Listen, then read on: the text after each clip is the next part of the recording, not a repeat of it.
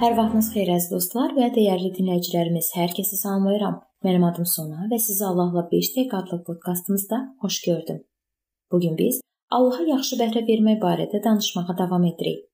Adətən başı qayğılara, var-dövlətə, gündəlik həzlərə qarışanların başqalarına vaxtı qalmır.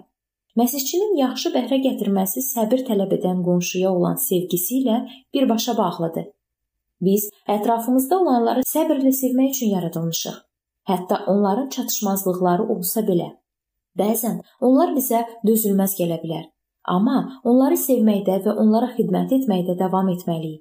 İbranilərə 6-cı fəsil 11-12-ci ayələrdə deyilir ki, biz tənbəl olmamalı, sevgiyə səbirlə xidmətdə səy göstərməliyik. Biz bu xidmət zamanı daim yanımızda olacağını vəd etmiş, Allaha etibar etməkdə davam edirik.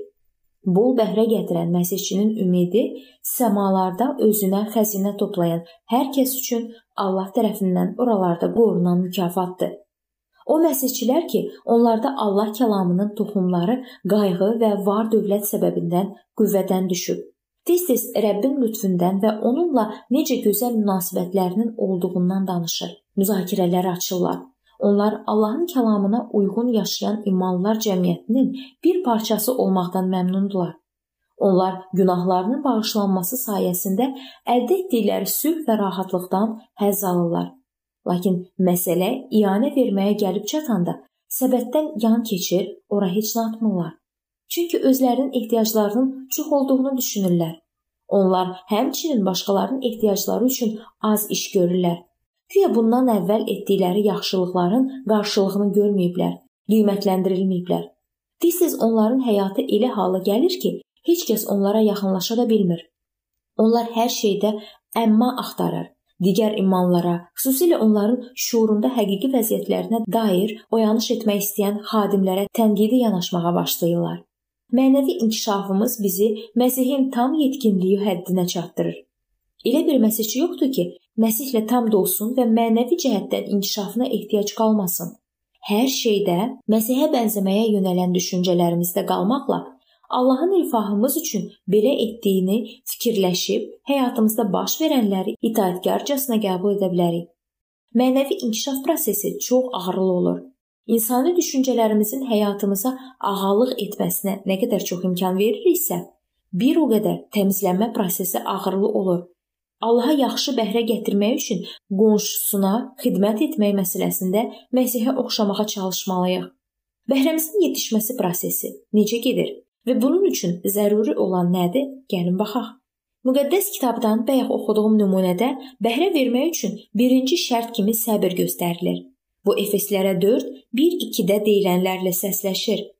4-cü fəsil tam olaraq məsihçinin yetkinləşməsi prosesinə həsr edilib Biz təvəzzükarlığa, həlimliyə, səbrə gedən yola bir-birimizə hörmətlə yanaşmaqla başlayırıq. Bəhrənin yetişməsi prosesi bir qayda olaraq bu işdə digər Allah övladlarının iştirakını da nəzərdə tutur. Bizim qeyri-kamilliyimiz məhz başqaları ilə qarşılıqlı münasibətlər zamanı üzə çıxa bilər. Biz Rəbblə gözəl münasibətlərimizin barədə çox danışa bilərik. Amma bu zaman təvəzzükar, həlim olmağı, başqalarına hörmətlə yanaşmağı öyrənə bilməmişiksə, həyatımızın bəhrəsini yetişmiş adlandıra bilmərik. Allah öz lütfünü hər bir məsihçiyə verir. O bizi günahkar insani təbiətimizin zəifliklərini aşmaq üçün güclə təmin edir. Allah imanlar cəmiyyətini onun inkişafından ötürü müqəddəslərlə təmin edir. Şeytanın işi Allahın etdiklərini dağıtmaqdır. Bizim insani təbiətimiz hər an bizi şeytana tərəf meyləndirə bilər. Amma biz içimizdəki müqəddəs ruhun işini daim qəbul etməliyik. Çünki bu yetişmiş meyvənin əldə olunmasının rəhnidir. Digər insanlara Məsih sevgisi ilə səbirlə xidmət etmək, günahkarları Allah həqiqətinə tərəf çəkən məhz budur. Başı əsasən qayğılara, var-dövlətə və gündəlik həzlərə qarışanlar sevgiyə və qayğıya ehtiyacı olanlarla səbirlə çalışmaq üçün vaxt tapmırlar. Əgər qəlbimiz bizə həyat, sevgi və güc verən müqəddəs ruhla dolu deyilsə, yaxşı bəhrə verən məsihçilərdən ola bilmərik. Bir çox məsihçilər qayğılarına, var-dövlətə və gündəlik həzlərə həddindən artıq çox diqqət ayırırlar. Bu onlara o qədər əsaslandırılmış və hətta təbii gəlir ki, bunda elə də böyük problem görmürlər. Axı həyat onlar deyir, Allah tərəfindən həzz almaq üçün verilib. Yaşamaq isə çoxlu məsrəf tələb edir. Yəni var-dövləti qaçılmaz edir. Amma belə düşünürüksə, deməli İsa Məsihin bu sözlərini unutmuşuq. Diqqətli olun, hər cür təmahkarlıqdan özünüzü qoruyun. Çünki insanın həyatı var-yoxunun bolluğundan asılı deyil. Biz fani var-dövlətə etibar etməməliyik. Varlanmağa, can atmağı özündə ehtiva edən yalanın kökü başqa yalanların olduğu yerə, yalanın atası olan şeytana gedib çıxır.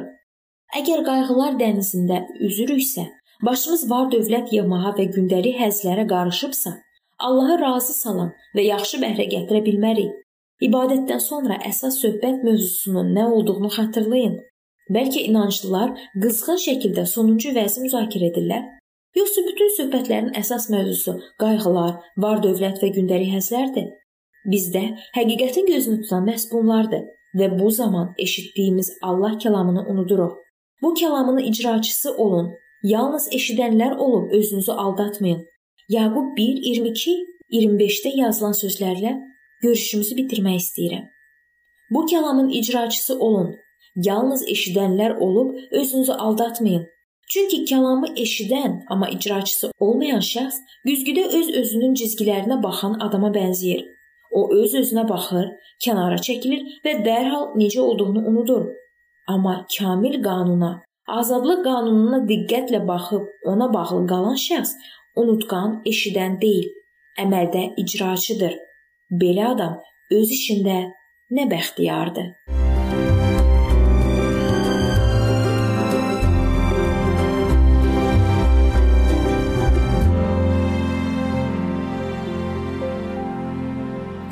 Əziz dostlar, bu yerdə bu mövzu sona çatdı.